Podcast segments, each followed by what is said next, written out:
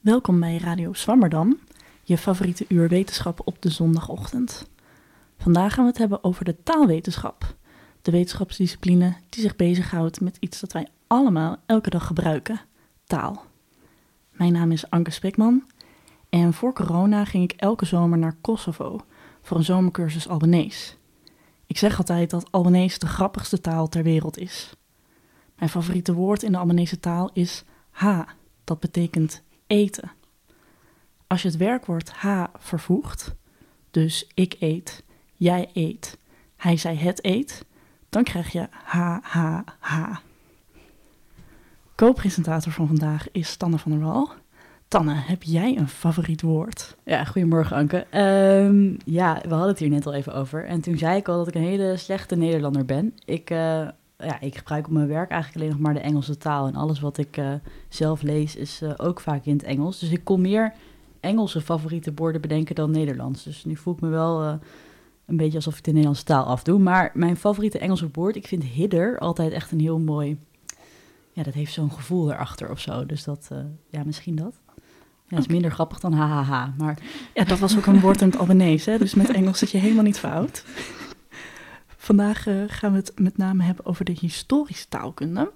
Over taalverandering door de tijd heen en hoe je de taal van eeuwen terug, die nooit is vastgelegd op schrift, toch kan uh, reconstrueren aan de hand van talen die nu nog gesproken worden. Over die reconstructie van oude taalvormen spreek ik vandaag over Zoom met Milan Lopua Zwakkenberg van de TU Eindhoven en Arjen Versloot van de UvA. Milan, welkom. Ja. Jij bent gepromoveerd in de wiskunde, maar je hebt ook uh, vergelijkende Indo-Europese taalwetenschap gestudeerd in Leiden. En daar heb je scripties geschreven over het Albanees. Vanwaar die interesse in het Albanees? Nou ja, je zei al dat het een hele grappige taal was. Daar kan ik me in vinden. Ik heb, um, toen ik in mijn eerste jaar zat, uh, werd er een keuzevak Albanese aangebo uh, aangeboden. Um, nou, dat klonk heel interessant, dus ben ik daarheen gegaan. En er waren nou, iets van vier andere studenten of zoiets.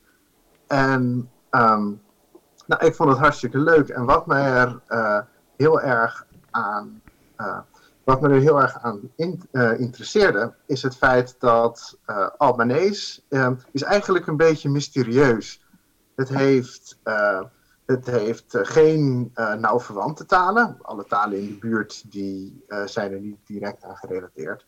Het, heeft, het is pas heel laat is het opgeschreven. Er zijn een hele hoop dialecten.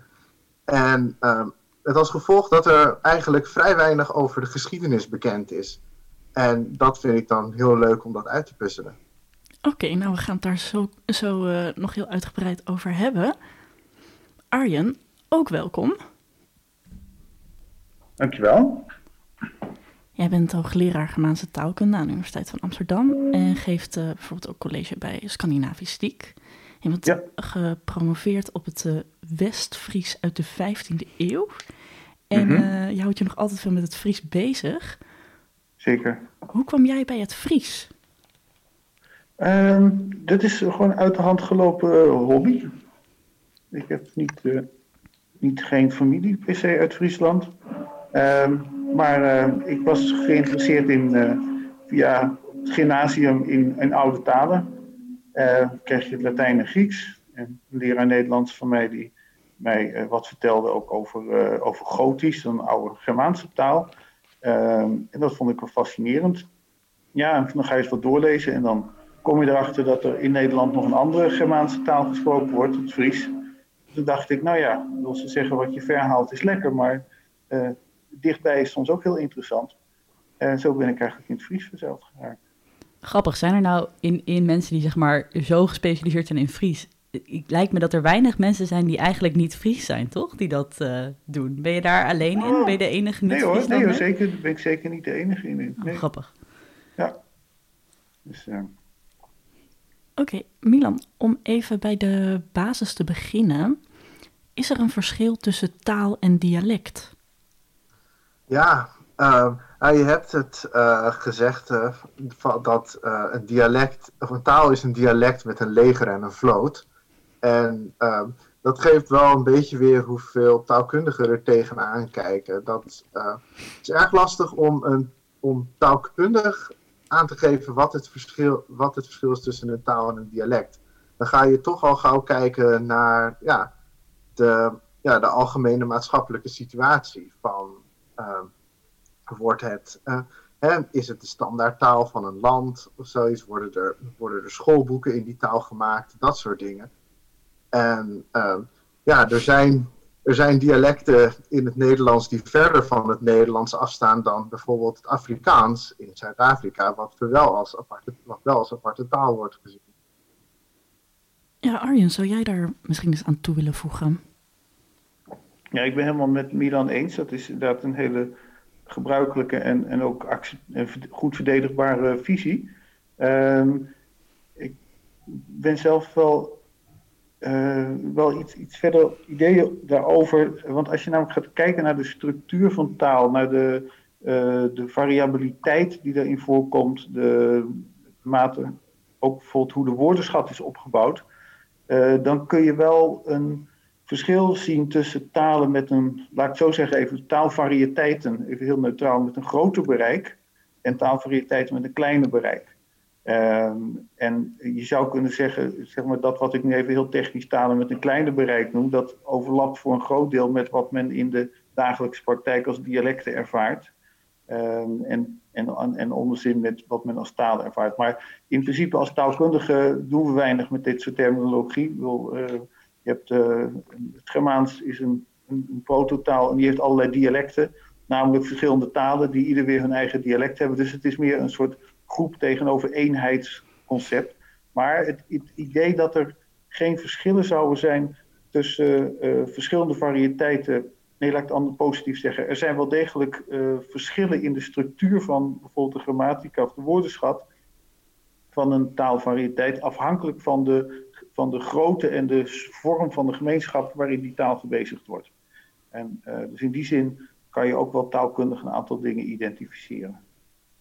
Oké, okay, dankjewel. Goed, dat, is vrij, uh, sub, dat gaat vrij, gaat vrij ver de diepte in, zeg maar. En uh, moet zeker niet verward worden met de, de, zeg maar, de sociologische interpretatie van, die Milan ook net geeft en die ook heel, heel terecht is. Maar sociologisch gezien, zeg maar, wie bepaalt dan op een gegeven moment dat een dialect een taal wordt? Bijvoorbeeld Fries is wel een taal en um, Achterhoeks niet. Um... Ja, dat is dus leuk. Het Achterhoeks is ook een taal. Oh, als, je, oh. als je gaat kijken naar de, naar de formele erken, de wettelijke erkenningen. Hè, dus er zijn allerlei manieren waarop je het kunt bekijken. Maar één daarvan is, van, uh, heeft een, is een taalvariëteit uh, onder enige wetgeving uh, in status toegekend. En sinds een aantal jaren, ik geloof, precies jaar heb ik niet meer in mijn hoofd, ergens 96, 97 of zo, heeft de Nederlandse regering dus naast het Fries ook het Neder-Saxisch, wat de sprekers zelf helemaal niet weten dat dat bestaat, want die spreken achterhoeks of ja. toning. uh, maar dat is een soort koepelconcept. En daarnaast ook nog het Limburgs als minderheidstalen of als regionale talen erkend. Oké, okay, wat uh, vet. Maar dat moet dus in de wet geregeld zijn. Dus iemand gaat op een gegeven moment lobbyen, we willen hier een taal van maken en dan wordt dat in ja. de wet geregeld dat het een taal is. Ja, ja, en daar speelt dus die afstand die Milan net noemde, speelt daar een rol bij. De afstand tot het, tot het standaard Nederlands. Want bijvoorbeeld in Zeeland hebben ze het ook geprobeerd. En daar heeft men gezegd, ja nee, dat, dat staat zo dicht bij het Nederlands. Dus dan krijg je ineens weer allerlei taal... Het is een hele rare discussie hoor, want ik, ik zeg al, ik vertel alleen wat er gebeurd is. Het is helemaal de vraag of je dat zou kunnen... Ik zeg voor het Limburgs wel eens voor de geng... Um, als je het puur taalkundig zou bekijken... dan is er helemaal geen reden om Limburgs als aparte taal te erkennen. Maar als het de uiterste uitloper van het Duits Alleen uh, dan zou je dus moeten zeggen dat er een Duitse minderheid, een Duitsstalige minderheid is met een, nou ja, van het standaard Duits afwijkend dialect. En dan hebben we ineens 2 miljoen uh, etnische Duitsers in Nederland. En ik geloof dat daar zowel de Limburgers als de rest van, als de regering in Den Haag niet op zaten te wachten. Uh, en ook, ik zeg ook, de Limburgers zelf identificeren zich niet zo. Maar als je historisch taalkundig gaat kijken, dan zijn er hele goede redenen om Limburgs als een uiterst noordwestelijke vorm van Duits te beschouwen. Dus je kan eigenlijk heel veel kanten op. Net wat, je, net eigenlijk wat men wil. Dus het, uh... Mooi uitstapje. ja, goed. We hadden het ook al even over het uh, Albanees, een uh, taal die in Zuidoost-Europa gesproken wordt. Ehm, nou, en het Albanees en het Fries, je zou op het eerste gezicht niet denken dat deze talen iets gemeenschappelijks hebben. Uh, Milan, Germaanse talen als het Fries en andere talen als het Albanees hebben wel toch een gemeenschappelijke geschiedenis. Hoe zit dat? Ja, nou, als je dus. Um, hè, laten, we, laten we eens beginnen bij de Romaanse talen. Dus Frans, Italiaans, Spaans, dat soort dingen.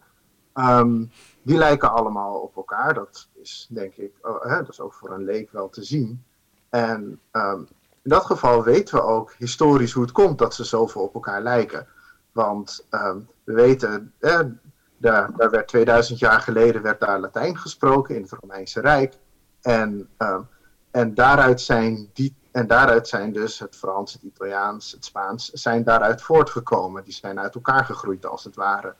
Dus dan zie je dat um, de taalfamilie Romaans als het ware één gemeenschappelijke voorouder heeft. Um, en voor de Germaanse talen, ja, die lijken ook allemaal op elkaar. Het Nederlands, het Fries, het Engels, het Duits, ook die lijken op elkaar. En ook die zullen wel een gemeenschappelijke voorouder hebben gehad. Uh, dat, is, dat is de verklaring waarom ze zo op elkaar lijken. Alleen deze voorouder, die is zelf nooit opgeschreven. Uh, die werd waarschijnlijk gesproken in een tijd dat er in deze regio van Europa nog niet geschreven werd. Um, en dus als je wil weten hoe die eruit ziet, hè, zul je die dus moeten reconstrueren. Dat is wat historische taalwetenschappers vaak doen. En als je dat doet, en dan zie je de Germaanse talen, hè, dus dan zie je dat die oertaal, waar die Germaanse talen van afstammen, proto-Germaans wordt dat dan genoemd.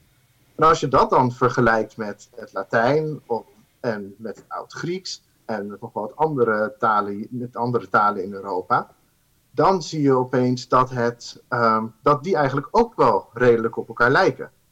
En dan is, um, en daaruit hebben mensen geconcludeerd dat eigenlijk al die, of in elk geval een hele hoop van de taalfamilies in Europa, uh, allemaal één gemeenschappelijke voorouder hebben. En die gemeenschappelijke voorouder die heet dan het uh, Proto-Indo-Europees. En die is zo genoemd omdat ook talen in India, uh, veel talen in India ervan afstammen, bijvoorbeeld het Hindi het Sanskrit. En eigenlijk nou, rel relatief veel later is, pas, is dan ook ontdekt dat het Albanees daar ook van afstamt. Omdat, zoals als ik al eerder zei, van het Albanees van die geschiedenis en die tussenstappen als het ware veel minder bekend is. Ja, dankjewel Milan. Arjen, uh, nou jij weet dus veel van Germaanse talen en die gaan terug op Proto-Germaans. We kunnen niet meer praten met die mensen uh, en dat is ook niet overgeleverd op schrift. Hoe gaat het in zijn werk om toch dat proto-Germaans te reconstrueren? Nou, het is eigenlijk precies dezelfde manier die Milan net beschrijft. Alleen je doet dat dus voor een wat beperktere groep uh, variëteiten. Dus je zet ze naast. Ja, wat enorm helpt is dat je veel variatie hebt. Dat is eigenlijk het omgekeerde probleem wat bij het Albanese was. Uh, als je maar één punt hebt, dan is, kan je alleen maar rechtdoor terugprojecteren. Terwijl als je heel veel punten hebt, dan kan je een soort, soort, uh, soort kruis uh, meting maken. Waardoor je vrij goed kunt benaderen hoe de, hoe de oorvorm is geweest. Dus ja, het is heel prettig dat je dus en Oud-Engels en Oud-Fries en, en Gotisch en, en dat soort talen hebben. Uh, waardoor je vrij goed die, die proto-Germaanse vormen kunt reconstrueren. Wat trouwens wel handig is daarvoor, is dat er, zijn, zo, die heten zeg maar oer-Noorse rune-inscripties. Die heten weliswaar oer-Noors, maar we weten dat die heel erg dicht bij dat proto-Germaans nog staan. Die zitten, het heet weliswaar oer-Noors, maar ze zijn nauwer verwant aan het proto-Germaans, zoals we dat gereconstrueerd hebben, dan aan het moderne Noors, zeg maar. Daar zit, daar zit veel meer tijd tussen. Uh, en die bevestigen een deel van onze, onze reconstructies gelukkig. En, maar goed, dat zijn een paar honderd woorden die we daar hebben uit wat inscripties. En zeker de oudste, dat zijn er maar een aantal tientallen. Dus daar heb je natuurlijk, kan je geen volledige grammatica en woordenschat mee reconstrueren. Dus je bent voor, voor, voor 99% wel aangewezen op reconstructies. Maar het is wel interessant om te zien dat sommige patronen inderdaad, dat je daar bevestigingen voor ziet in, in die oude Scandinavische uh, rune-inscripties. Oké, okay, we spreken straks verder met uh, Arjen en Milan over de taalwetenschap. Uh, maar we gaan nu even luisteren naar de column. Die is geschreven door Milan Teunissen van Manen. Mijn persoonlijke historie met taal is wat apart. Ik ben namelijk opgegroeid in twee landen en met drie talen. Ik spreek Nederlands, Spaans en Engels, allemaal vloeiend. En dan bedoel ik eigenlijk dat ik ze alle drie niet echt spreek. Dat is het mooie van opgroeien met meerdere talen. Je krijgt een soort hybride taaltje. En dan helemaal als je zussen hebt. De manier waarop wij Spaans, Nederlands en Engels vermengen gaat voorbij snel kunnen wisselen tussen talen en is een soort eigen dialect geworden. Het is een dialect waar Spaanse werkwoorden vervoegd worden op zijn Nederlands en waar stopwoordjes en grapjes vaak Engelstalig zijn. Het is een dialect waar frustratie naar automobilisten exclusief geuit wordt in de meest vulgaire vorm van Spaans en heel veel handgebaren. En waar elke maaltijd met een enthousiast oeh lekker begroet wordt. Lekker is zelfs zo'n kernwoord in ons dialect dat mijn zus en ik in ons dorp de bijnaam Las Hermanas Lekker hebben gekregen. Het kost soms heel veel moeite om niet in het Las Hermanas Lekker dialect te praten en te schrijven. Om dit stuk in één taal te schrijven moet ik regelmatig diep graven naar de Nederlandse vertaling van een woord. En soms zijn het de meest random woorden die opeens poef uit mijn geheugen verdwenen zijn. Zoals toen ik tree en aardwoorden direct wist, maar ik boom uiteindelijk moest googelen. Mijn persoonlijke taalhistorie heeft er ook toe geleid dat ik sterke meningen heb over sommige woorden. Zo weiger ik bijvoorbeeld anderstalige woorden voor stofzuiger te gebruiken. Vacuum cleaner, dat zijn twee woorden en is veel te lang. Aspiradora, het valt amper uit te spreken en is al helemaal niet te onthouden. Stofzuiger is lekker krachtig en komt overeen met de intensiteit van de activiteit. Het is een woord dat klinkt zoals het is. Andere mooie voorbeelden van woorden die klinken zoals ze zijn, zijn moist, kneuterig en knuppel, zoals in vent. Je weet gewoon meteen waar je aan toe bent. Dankzij mijn opvoeding in het Las Hermanas Lekker dialect heb ik het ook niet zo nauw met de taalregels. Sinds kort is Jalses de enige manier waarop ik nog twee of meer mensen wil aanspreken en heet de kleine snacks nu snacketjes. Een mooie toevoeging van mijn favoriete auteur Douglas Adams is goosenark. Goosenarks zijn etensrestjes die je in je koelkast zet terwijl je donders goed weet dat je die niet gaat gebruiken voor ze veranderen in een zelfstandig ecosysteem. Het Hermanas Lekker dialect heeft relatief weinig sprekers, maar het aantal mensen dat het taaltje kunnen verstaan en zelfs spreken neemt toe. Het is misschien niet geheel toevallig dat deze toename zich onder de partners van de Las Hermanas Lekker bevindt, maar goed. Hoe dan ook, het Las Hermanas Lekker dialect leeft en wie weet groeit het ooit uit tot een echte taal. Eentje waar taalkundigen zich over zullen buigen en de oorsprong van zullen herleiden tot drie meisjes die een tortilla voorgeschoteld kregen. In de column ging het dus over het overnemen van woordenschat van de ene taal terwijl je in een andere taal spreekt. Ik denk dat het voor veel mensen die meerdere talen spreken wel herkenbaar is. Ook bijvoorbeeld ja, veel jonge mensen in, in het Nederlands gebruiken ook veel Engelse woorden. Ehm, nou, in de taalkunde wordt dat mengen van woordenschat uit verschillende talen code switching genoemd. Arjen, zou je daar misschien wat meer over willen vertellen met betrekking tot het Fries? Uh, ja, code switching is één vorm wat je dus vaak ziet. De woorden worden eerst uh, gebruikt als een soort gemarkeerd, alsof ze nog tussen aanhalingstekentjes staan. Maar goed, dat doe je één keer dat doe je op een gegeven moment tien keer. En dan, en dan wordt het woord eigenlijk als geïntegreerd beschouwd. En ehm, ja, hoe tweetalige mensen zijn, hoe meer ze dat doen. we gebruiken dat soort dingen ook heel erg voor het reconstrueren van taalgeschiedenis omdat je maar, die, woorden uit verschillende talen waarmee een taal sprekers in contact zijn geweest, die laten als het ware een spoor na van de geschiedenis van zo'n taal. Dus het is uh, uh, buitengewoon interessant en nuttig om dat uh, te analyseren. Ehm, ik heb met, onder andere met Promovendi onderzoek gedaan naar, naar woordenschat en ook andere mensen voor het Fries. Um, en je ziet er hele interessante patronen met name met Nederlands en Fries, die natuurlijk redelijk verwant zijn aan elkaar, van zichzelf al zou ik maar zeggen. Uh, dus die delen, een, die delen allerlei woorden al, gewoon zonder dat er sprake is van ontlening, maar gewoon omdat het allebei Germaanse talen zijn. En, wat je nu ziet aan bijvoorbeeld sprekers van uh, tweetalige sprekers, is dat uh, ze een voorkeur hebben, een, een statistische voorkeur, voor die woorden die in beide talen gelijk zijn. Dus, um, dus dan gaat het nog niet eens zozeer om het lenen van het ene woord of het andere woord. Maar je krijgt wel een soort vernauwing van de woordenschat. tot de grootste gemene deler. Ehm, en dat leidt er natuurlijk uiteindelijk toe, als je dat een paar generaties volhoudt, dat alle. eh, ja, kijk, het Nederlands heeft natuurlijk niet alleen maar Friestalige, tweetalige sprekers als bron. Dus dat, dat Nederlands wordt wel gevoed ook nog door andere sprekers. Maar voor het Fries heeft dat gevolg dat de uniek Friese woorden eh, gemarginaliseerd worden.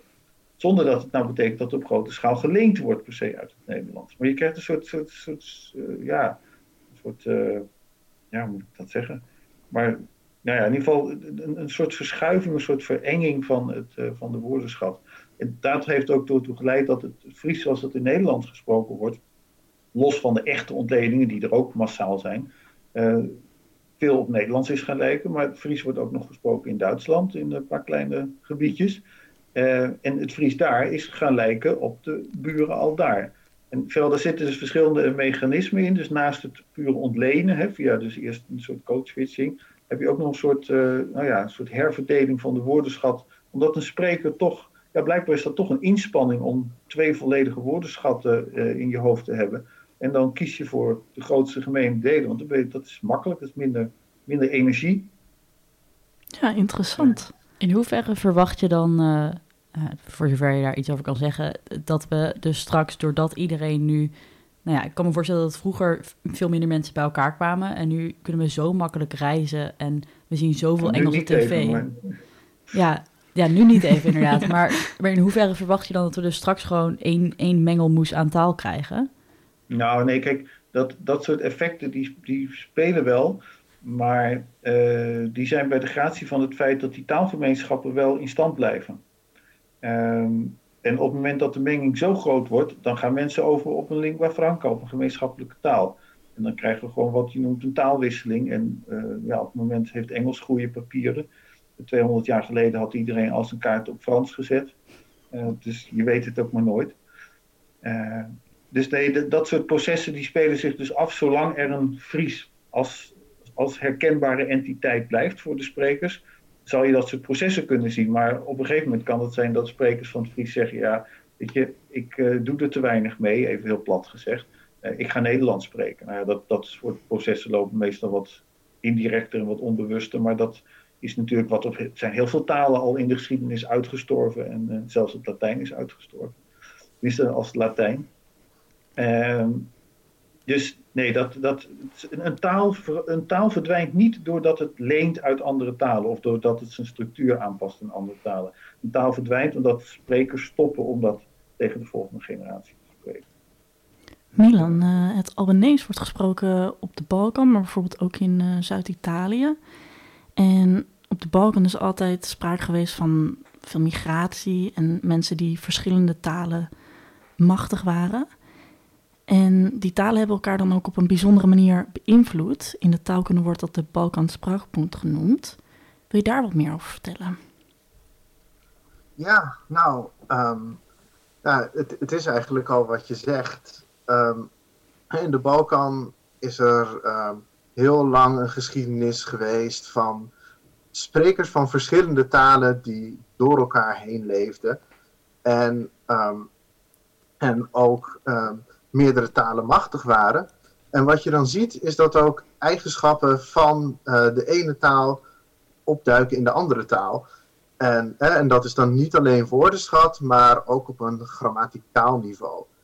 Hè, dus dat- dus mensen die eh, klassieke talen op de middelbare school hebben gehad, die weten dat Latijn, dat, had, dat, dat heeft een hele hoop naamvallen, vijf of zes of zo. En nou, hetzelfde geldt voor, eh, ge- ge- geldt voor Slavische talen en dat gold ook voor het Albanees. Ehm, maar de Albanese heeft, heeft inmiddels een aantal van die naamvallen verloren. En precies diezelfde naamvallen zijn dan in het modern Grieks niet meer. En in, het, eh, en in de aanliggende varianten van het Servo-Kroatisch. En ja, dat is maar één voorbeeld. En er zijn, zijn er nog wel meer van grammaticale veranderingen die eigenlijk alle talen daar in de buurt tegelijkertijd hebben, of min of meer tegelijkertijd hebben doorgemaakt. Het is lastig om precies te zeggen wanneer het is gebeurd, aangezien natuurlijk niet altijd alles is opgeschreven. Maar ehm, daar lijkt het inderdaad op dat Ehm, omdat mensen zoveel wisselen tussen talen en meerdere talen gebruiken, dat de grammaticale eigenschappen van één taal dan overspringen naar een andere taal. Ja, dus die, die, die talen op de Balkan die hebben niet alleen woorden van elkaar geleend, maar ook uh, bepaalde grammaticale eigenschappen zijn op een, ja, op dezelfde manier uh, ontwikkeld. Arjen, herken jij dat voor de Germaanse talen? Ja, dat is een heel mooi voorbeeld uit de Friese taalgroep, zoals ik het maar even noem. Uh, al, er worden ook nog variëteiten van Fries in Duitsland gesproken, vlakbij de, tegen de Deense grens aan. Uh, Noord-Fries noemen we dat. Dat, zijn groepen die daar al een paar eeuwen geleden vanuit het zuiden uh, heen verhuisd zijn. En daar bestond tot voor kort een, een soms een vijftaligheid. Uh, maar wel allemaal nauw verwante Germaanse talen. Dus je had mensen die Fries spraken, die uh, Hoogduits spraken, die Platduits spraken, die Deens dialect, lokaal, regionaal Deens dialect en dan nog Deense standaardtaal. Die vijf talen die zaten daar elkaar, nou ja, die, ook veel mensen, sommige mensen die echt vijftalig waren zelfs, heel veel mensen die drie, viertalig waren. En daar zie je eigenlijk een soort spraakbond in het klein. Uh, dus als je gaat kijken naar de, de, het klanksysteem, welke medeklinkers en klinkers komen ervoor, die, die zijn op elkaar gaan lijken in die verschillende versies van die variëteiten. Natuurlijk niet van het Hoogduits, dat is natuurlijk wel gecontroleerd door van buitenaf, maar in ieder geval de lokale variëteiten.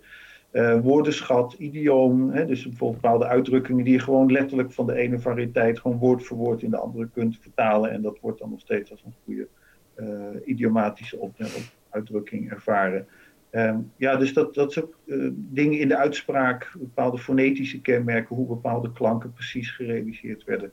Um, dus dat, dat is, uh, daar zie je een soort spraakbond in het klein, zeg maar. Intussen is die spraakbond aan het verdwijnen, want al die regionale talen hebben het zwaar. En uh, de meeste kinderen daar spreken alleen nog maar Hoogduits. Ook enkeling kan misschien nog wat Platduits. Dus okay, dat is onder bijna verleden tijd. Maar in de 20e eeuw, zeg maar, was dat daar aan de hand. Oké, okay. hey, en Milan, wij hadden het uh, in het voorgesprek ook over een uh, voorbeeld van uh, woorden die geleend zijn uit het Turks naar het Albanees. ik weet niet of je dat nog wilt toelichten, want er was een bepaalde groep woorden die dan de meervoudsvorm uit het Turks heeft bewaard in het Albanees. En het was nogal een frappante groep ja. aan woorden. Ja, dus in het uh, eh, Albanië het is, uh, natuurlijk is ongeveer 400, 500 jaar deel geweest van het Ottomaanse Rijk. En in die tijd heeft het ook veel uh, Turkse invloed gehad. Het is ook, hè, een groot deel van de bevolking is ook moslim. En, um, en heeft dus ook veel woorden geleend uit het Turks. En um, van, die, van die woorden zijn er acht woorden over die ook, die zozeer geleend zijn uit het Turks, dat ze ook de Turkse meervoudsvorm hebben, hebben behouden. In plaats van dat het Turkse woorden zijn die een Albanese meervoud hebben gekregen. Um, dat zijn acht woorden. Uh, van deze acht woorden zijn zeven woorden voor mannen met status, zoals vader en heerser. En het woord voor paard. Dus dat soort dingen kan je dan zien van, uh, ja, niet alleen de taalkunde, maar wat ook de de sociologische verhouding in de tijd was tussen Albanese sprekers en Turks sprekers. Ja, mooi voorbeeld. Oké, um, uh, Arjen, jij liet mij uh, in het voorgesprek een boek zien, een grammatica van het Oud-Fries uit 1899, als ik het me goed herinner. En men kon toen ja, zonder computers heel precies en secuur te werk gaan. Wil je daar wat meer over vertellen? Uh, ja, dat is, dat betreft, als je soms van die 19e eeuwse werken ziet, die zijn van een ongekende gedetailleerdheid. Tegenwoordig proberen we alle teksten netjes te verzamelen. Eerst in boekuitgaven, tegenwoordig worden die allemaal gedigitaliseerd. En dan heb je een zogenaamd tekstcorpus, zoals dat dan heet. Dus een verzameling teksten. En voor oudere taalstadia kan je er ook naar streven om die compleet te maken. Want ja, meer is er op een gegeven moment niet overgeleverd.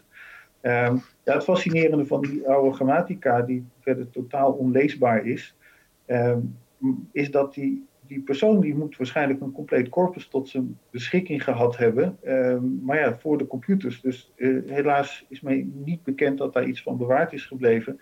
Dat moeten of enorme stapels aantekeningen of misschien heeft hij kaartenbakken gemaakt voor zichzelf. Dat was natuurlijk uh, voor de computer een gebruikelijke methode. Maar opmerkelijk is in ieder geval dat hij geen enkele vorm gemist heeft. Gewoon alle vormen staan erin.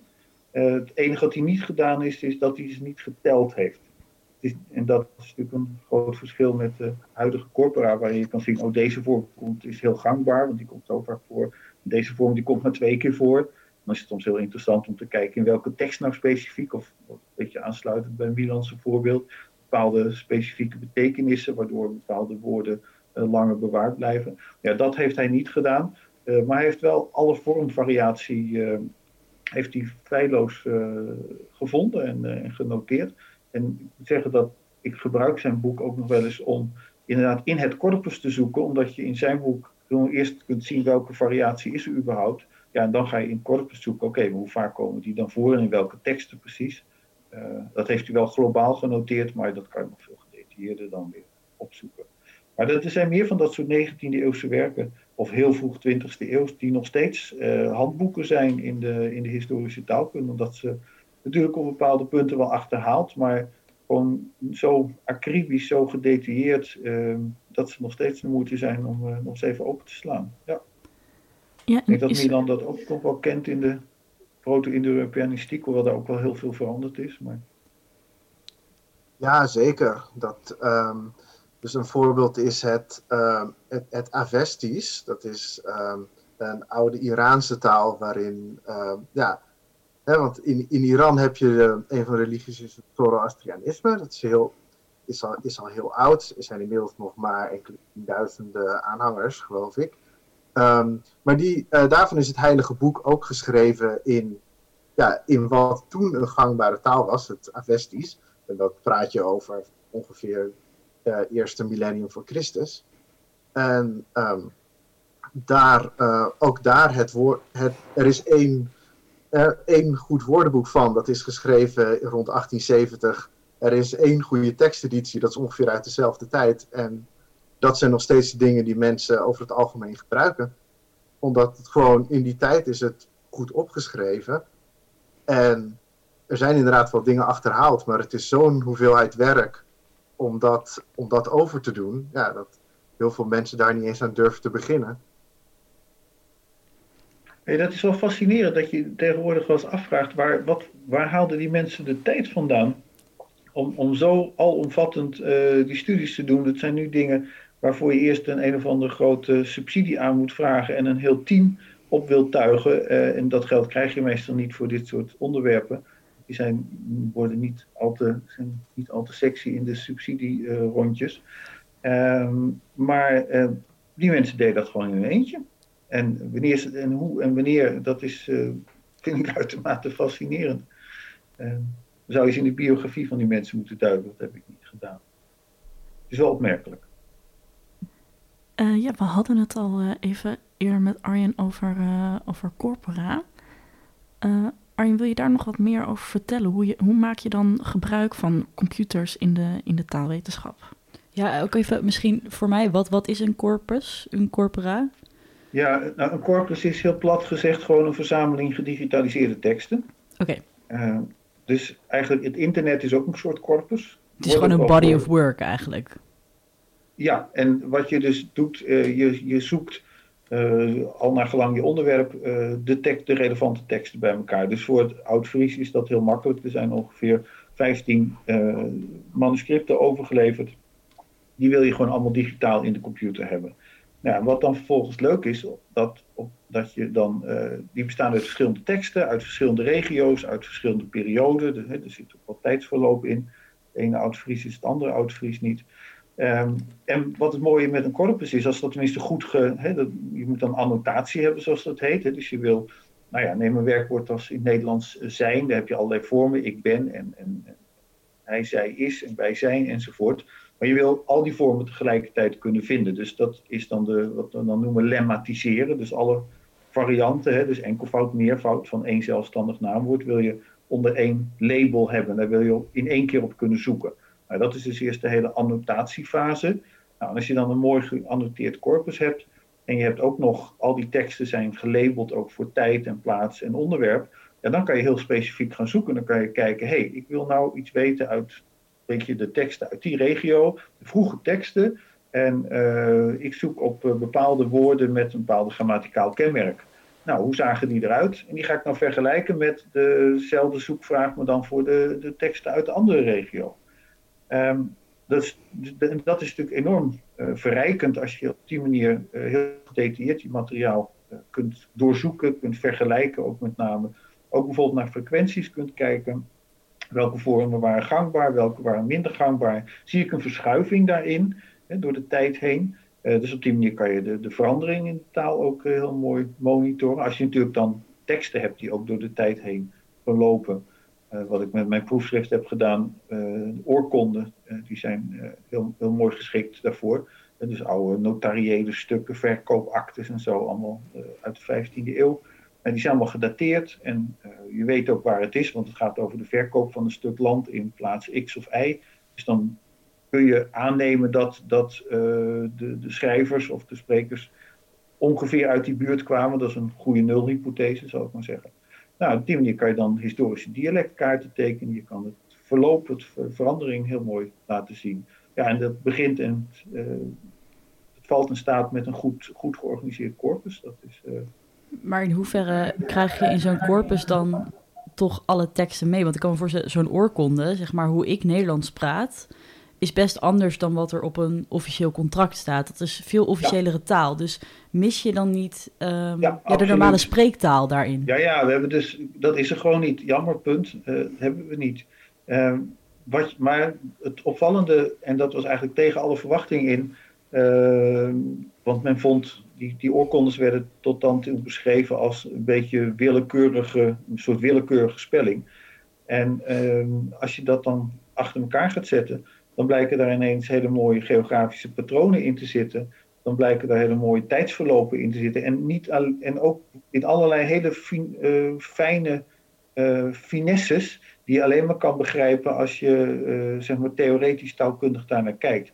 Dat bewijst, omdat natuurlijk gewone naïeve sprekers niet zo met hun taal omgaan, bewijst dat dat, dat de sporen zijn van de gesproken taal. Je ziet dus afwisseling van twee klinkers en die klinkers die duiken dan in een bepaald deel van Friesland alleen in een bepaalde context op in, uh, als ze voor een andere medeklinker bijvoorbeeld staan.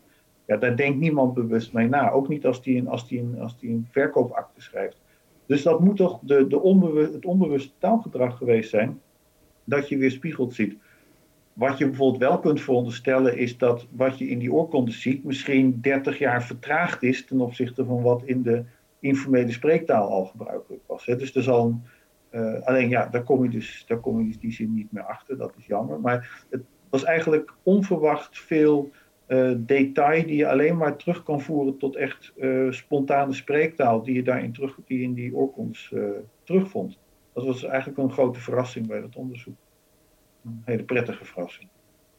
Ja, bedankt Arjen. Uh, nou, we hadden het dus nu over een corpus of over corpora het uh, toepassen van uh, moderne technieken in uh, taalkundig onderzoek. Milan, jij bent wiskundige en taalkundige. Zou jij misschien wat meer willen vertellen over hoe je wiskunde kan gebruiken in taalkundig onderzoek? Um, ja. ja, dat um, hangt een beetje van het onderzoek af. Um, ik denk inderdaad, als je, als je echt ja, wat, als je inderdaad gaat kijken naar wat ik eerst heb gezegd over de geschiedenis van het Albanees. Um, daar, um, daar, daar zijn corpora vaak niet heel handig. Gewoon omdat er zo weinig teksten zijn. Uh, dus gewoon zo weinig te vinden. Dus bijvoorbeeld, ik heb, um, ik heb, ik heb uh, voor, het onder, voor mijn masteronderzoek heb ik, een, heb ik gekeken naar drie woorden. Ja, daar kan je niet eh, daar heeft um, corpusonderzoek niet, niet altijd veel zin. Um, in het algemeen denk ik dat uh, wat wiskunde vaak kan bijdragen aan de taalwetenschap is, uh, is, is vaak in de vorm van statistiek. En uh, in de zin dat je, je, kan wiskundige, je kan wiskundige modellen maken over hoe taal zich ontwikkelt, hoe taal eruit ziet. En um, je kan statistiek gebruiken om daar patronen in te vinden. Ook als het, uh, ook als het heel lastig is om, um, als, als, als de juist als de data te groot is om het met de hand te doen, als het ware, dan kan je vaak dan kan je statistiek gebruiken om te kijken van wat voor patronen er zijn. Dus um, een vriend van mij bijvoorbeeld is uh, onlangs gepromoveerd op uh, op Egyptisch. Dus die heeft ehm, gekeken of er dialectverschillen zijn in uh, sarcofaagteksten. In, dus de teksten die op sarcofagen gevonden zijn in Egypte. En daar was nog niet zoveel naar gekeken. En er, is wel een heel, er is wel een hele, zijn een hele hoop sarcofagen. Dus um, dan op zo'n punt zeker is de enige manier waarop je kan, kan beginnen is inderdaad van, nou ja, inderdaad digitaliseer het en vraag aan een, vraag aan een computer of die patronen kan herkennen. Uh, dat is in elk geval iets waar, waar wiskunde heel erg mee kan helpen. En um, ander voorbeeld is een onderzoek wat ik uh, zelf uh, ook heb gedaan, is, ik, dat is misschien niet helemaal historische taalkunde, het is wel taalkunde, dus een vraag die taalkundigen wel interessant vinden is: um, zijn er eigenschappen die alle talen ter wereld gemeen hebben? En dat voert ook een beetje terug naar, naar het psychologische fenomeen taal, als het ware. Van in hoeverre is dat nou aangeleerd en in hoeverre is dat nou aangeboren? En dan deel van de theorie is dat als je dan eigenschappen hebt die alle talen gemeen hebben, nou, en misschien zit daar dan wel iets aangeboren in. En um, toen ben ik me als het ware gaan buigen over de vraag van oké, stel dat er nou eigenschappen zijn die alle talen hebben, hoe zou je dat dan aan kunnen tonen? Ja, je kan, dan kan je naar een hele hoop uh, grammatica's kijken als het ware. En dan kan je zeggen, oké, ja, in deze grammatica 1 zit het, in grammatica 2 zit het. Maar hoeveel moet je er dan controleren voordat je een beetje zeker bent dat, je, dat echt alle talen het gemeen hebben? En het probleem daarbij is dat, er, dat we weten, er zijn gewoon eigenschappen die bijna alle talen gemeen hebben, maar waarvan er heel sporadisch enkele uitzonderingen zijn. En omdat dat er eigenlijk is, kun je eigenlijk niet op basis van zo'n onderzoek ooit zeker zijn dat, er, um, dat je ooit een eigenschap vindt die alle talen gemeen hebben. Um, puur op, um, op basis van hoeveel talen er op dit moment op ter wereld zijn. Arjen, is dat ook iets waar jij mee bezighoudt? Um, dus... Ja, die, die statistiek is wel heel belangrijk. Um, als ik even, proberen uit te leggen, de uh, 19e eeuw, ik heb net hun, hun prestaties uh, geprezen, uh, maar in een aantal opzichten dachten ze op manieren die, waar we nu anders tegen aankijken. Dus bijvoorbeeld, in het Nederlands heb je het woord paard en in sommige dialecten zeg je peert. En uh, men ging ervan uit, oké, als je dit dialect spreekt, dan zeg je peert. En als je dat dialect spreekt, zeg je paard. En als je gaat schrijven, dan schrijf je dus of altijd peert, als je dat ene dialect schrijft, of je schrijft altijd paard. Uh, het vervelende was alleen dat in de oude teksten uh, soms in de ene zin stond paard en de volgende zin stond peert. En daar komt dat, dat, dat kon men niet plaatsen, want dat ging in tegen de, het idee dat uh, taalveranderingen en met name klankveranderingen regelmatig waren. En gelukkig zijn die dat ook grotendeels, want anders kon je dat hele print Proto-Indo-Europees niet reconstrueren. Maar er is naast die regelmatigheid in de, in de klankveranderingen, is er ook een sociale factor. En daar hield men geen rekening mee. Dus wat men in de 19e eeuw en de vroege 20e eeuw deed, dan zei ze, ja, ja, ja, dan hebben deze tekst uit de 13e eeuw, en de een staat peert en paard in. Nou, waarschijnlijk is het dan gekopieerd, was in, stond in de oorspronkelijke versie alleen maar paard. En toen is het gekopieerd door iemand die peert van een peerdialect. En die heeft dat in een aantal gevallen per ongeluk veranderd. Dus er werden allerlei uh, reconstructies gemaakt van hoe vaak dat ding wel en hoe meer variatie erin zat. Uh, concludeerde men dan automatisch, oh dan was het uh, spellingsfout of kopiefout of er werden hele eh, reconstructies gemaakt puur op die variatie. Nou, in de jaren 60 of zelfs wel 50, maar in 60 in Amerika, uh, Labov, uh, de, de, grondlegger van de moderne sociolinguïstiek, die ging waarnemingen doen aan moderne ongesproken Engels, zoals hij dat om zich heen hoorde. En die ontdekte dat mensen een variatie, gewoon dezelfde persoon, kon gewoon twee vormen vlak na elkaar gebruiken. En wat hij ook ontdekte, is dat daar dat, dat die verbanden daartussen, hoe vaak je de ene, hoe vaak je de andere, dat kon je met behulp van als een statistisch patroon beschrijven. Dus niet in een absolute zwart-wit tegenstelling, maar in de ene context gebruikten mensen heel vaak de ene en bijna niet de andere. En, en als bijvoorbeeld uh, als ze dan op een sollicitatiegesprek moesten, dan deden het andersom. Um, dus je kon de sociale context koppelen aan een statistisch te beschrijven patroon. Nou, wat je ziet is dat dat soort uh, manieren van kijken uh, wel heel gangbaar zijn geworden in de moderne sociolinguïstiek. Dus het gaat om talen die we nu om ons heen horen. Uh, maar dat in mijn optiek dat nog te weinig teruggeprojecteerd wordt op de oudere taalstadia. Dus met dat oorkondeonderzoek, daar zie je dus ook inderdaad allerlei varianten door elkaar. En men zei dus vroeger, ja, dat is een rommeltje van mensen wisten niet hoe ze moesten spellen. Nou, als je dat dus statistisch gaat bekijken, wat ik al zei, dan zie je dus geleidelijk de ene variant het winnen over de andere op een nou ja, bijna een soort Laboviaanse manier. Uh, maar dat betekent dus dat je, uh, als je statistisch denkt, dan accepteer je ook dat er eens een uitzondering kan zijn. Dat, is geen, dat is geen probleem. En dan hoef je niet een hele theorie op te tuigen over ineens dat het gekopieerd is door iemand uit een ander dialect of zo. Dat, er kunnen tienduizend redenen zijn waarom er variatie is. Maar zolang die binnen de statistisch aanvaardbare marges blijft, heb je eigenlijk geen probleem. Um, andere, een tweede manier waarop je dat dan ook verder kan doen, is dat men is gaan zien, uh, dat komt ook uit de sociologie wel en, en, en natuurwetenschappen, uh, dat er soms meerdere factoren tegelijk zijn. Um, en uh, dan kan je dus zeg maar multivariantiemodellen maken, waarbij dus meerdere factoren in één statistisch model zitten. En ja, de combinatie van die factoren op een bepaald moment in de, met een bepaalde sterkte en zwakte, die leidt er dan toe dat de kans groter of kleiner is dat je vorm A of B gebruikt. Dus je kunt nog steeds niet met 100% zekerheid zeggen van, oh, dit is een vrouwelijke spreker van die leeftijd, die komt daar vandaan en ze spreekt nu in deze context. Dan is bijvoorbeeld de kans heel groot dat ze paard zal zeggen. Maar het kan nog steeds zijn dat ze een enkele keer peert zegt. En hè, dus dat zijn statistische modellen met meerdere variabelen. Uh, ja, en dat dan ga je dus heel anders om met de variantie in je, in je data. Uh, en dan zijn uitzonderingen ineens veel minder een probleem, zolang ze maar netjes binnen je statistisch, model, statistisch significante model vallen. In hoeverre heb je voor dat soort oude talen genoeg uh, materiaal om zo'n statistische analyse te doen? Uh, dat valt best mee hoor. Die, uh, ik heb voor het Oud-Engels ben ik bezig met een analyse van een paar teksten. En daar heb ik nou, 40, 50 woorden. En daar kan je in twee teksten. dus dan heb je 100 waarnemingen. En daar kan je al een aardig statistisch model met vier voorspellende variabelen, die dus allemaal op elkaar inwerken op een bepaalde manier. En die zijn alle vier statistisch significant. Dus dat, is, uh, dat, is, dat valt eigenlijk best mee. Ja.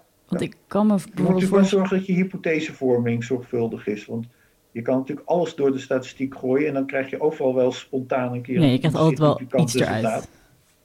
Hm? Je krijgt altijd wel iets eruit als je een uh, statistisch ja, dan je, dus het moet wel ergens hangen aan een bepaalde interpreta theoretische interpretatie die ook, ook zeg maar, taalkundig zinvol is. Want anders kan je de gekste dingen bewijzen. Natuurlijk. Ja, want hoe gaat dat dan als je, nou ja, je had het over oude talen. Um, als we kijken vanaf 1900 ongeveer ergens uh, vorige eeuw komen er, nou ja, radio-opnames, tv-opnames. Uh, nou ja, hoort, behoort dat dan ook tot een corpus? Al dat soort gesproken ja, ja, ook, documenten? Ja, je hebt grote, grote corpora gesproken taal tegenwoordig. Alleen, die zijn natuurlijk moeilijk te doorzoeken. Dus dan moet er eerst uh, heel veel techniek bij van automatische spraakherkenning. En dan moet het doorzoekbaar gemaakt worden. Dus dat is eigenlijk, ja, weet je, als, wat ik eigenlijk een beetje zie, kleine pilots, dan lukt dat altijd nog wel. Uh, je ziet nu wel de corpora wat groeien, zeg maar. Ook de, de gesproken taalcorpora. Maar dat is een vrij moeizame weg geweest, omdat gesproken taal is een stuk slordiger dan geschreven taal. En om, uh, maar goed, de techniek wordt iedere keer beter. Dus uh, dat, daar zit ook wel beweging in. Daar wordt ook veel onderzoek aan gedaan. Dat soort bestanden, ja. Oké, om af te sluiten. Ehm, we hadden het aan het begin, nou, vlak voordat we begonnen hadden we het heel kort over het Aalsmeers. Want blijkbaar, Milan, heb jij ook een keer een vak gevolgd bij Arjen, kwamen we achter. Ja, dat klopt. Dat was een uh, vak over Hollandse dialecten. Dus echt de dialecten die in Noord- en Zuid-Holland gesproken worden. En um, daar, uh, was, uh, daar was een van de dingen waar het vak over ging, was ja, hoe komt dat dat die dialecten tot deze vorm gekomen zijn? En ook deel daarvan was uh, het bestuderen, bestuderen van een van de huidige Hollandse dialecten. Nou is het eh, in Holland zo dat ehm, de, de, veel dialecten die zijn natuurlijk aan het, uh, aan het krimpen met steeds minder sprekers. Um, dit ging over het Aals, dat ging dan over het Aalsmeers.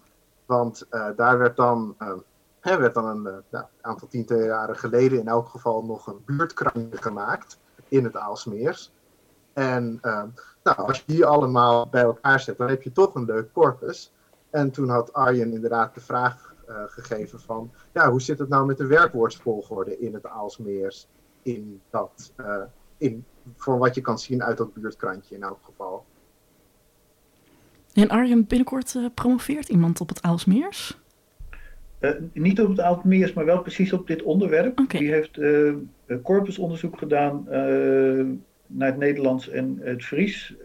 met name het grootste gaat over het Nederlands, maar er zitten ook wat dingen over het Fries. En er zit ook een historisch taalkundig onderdeel in.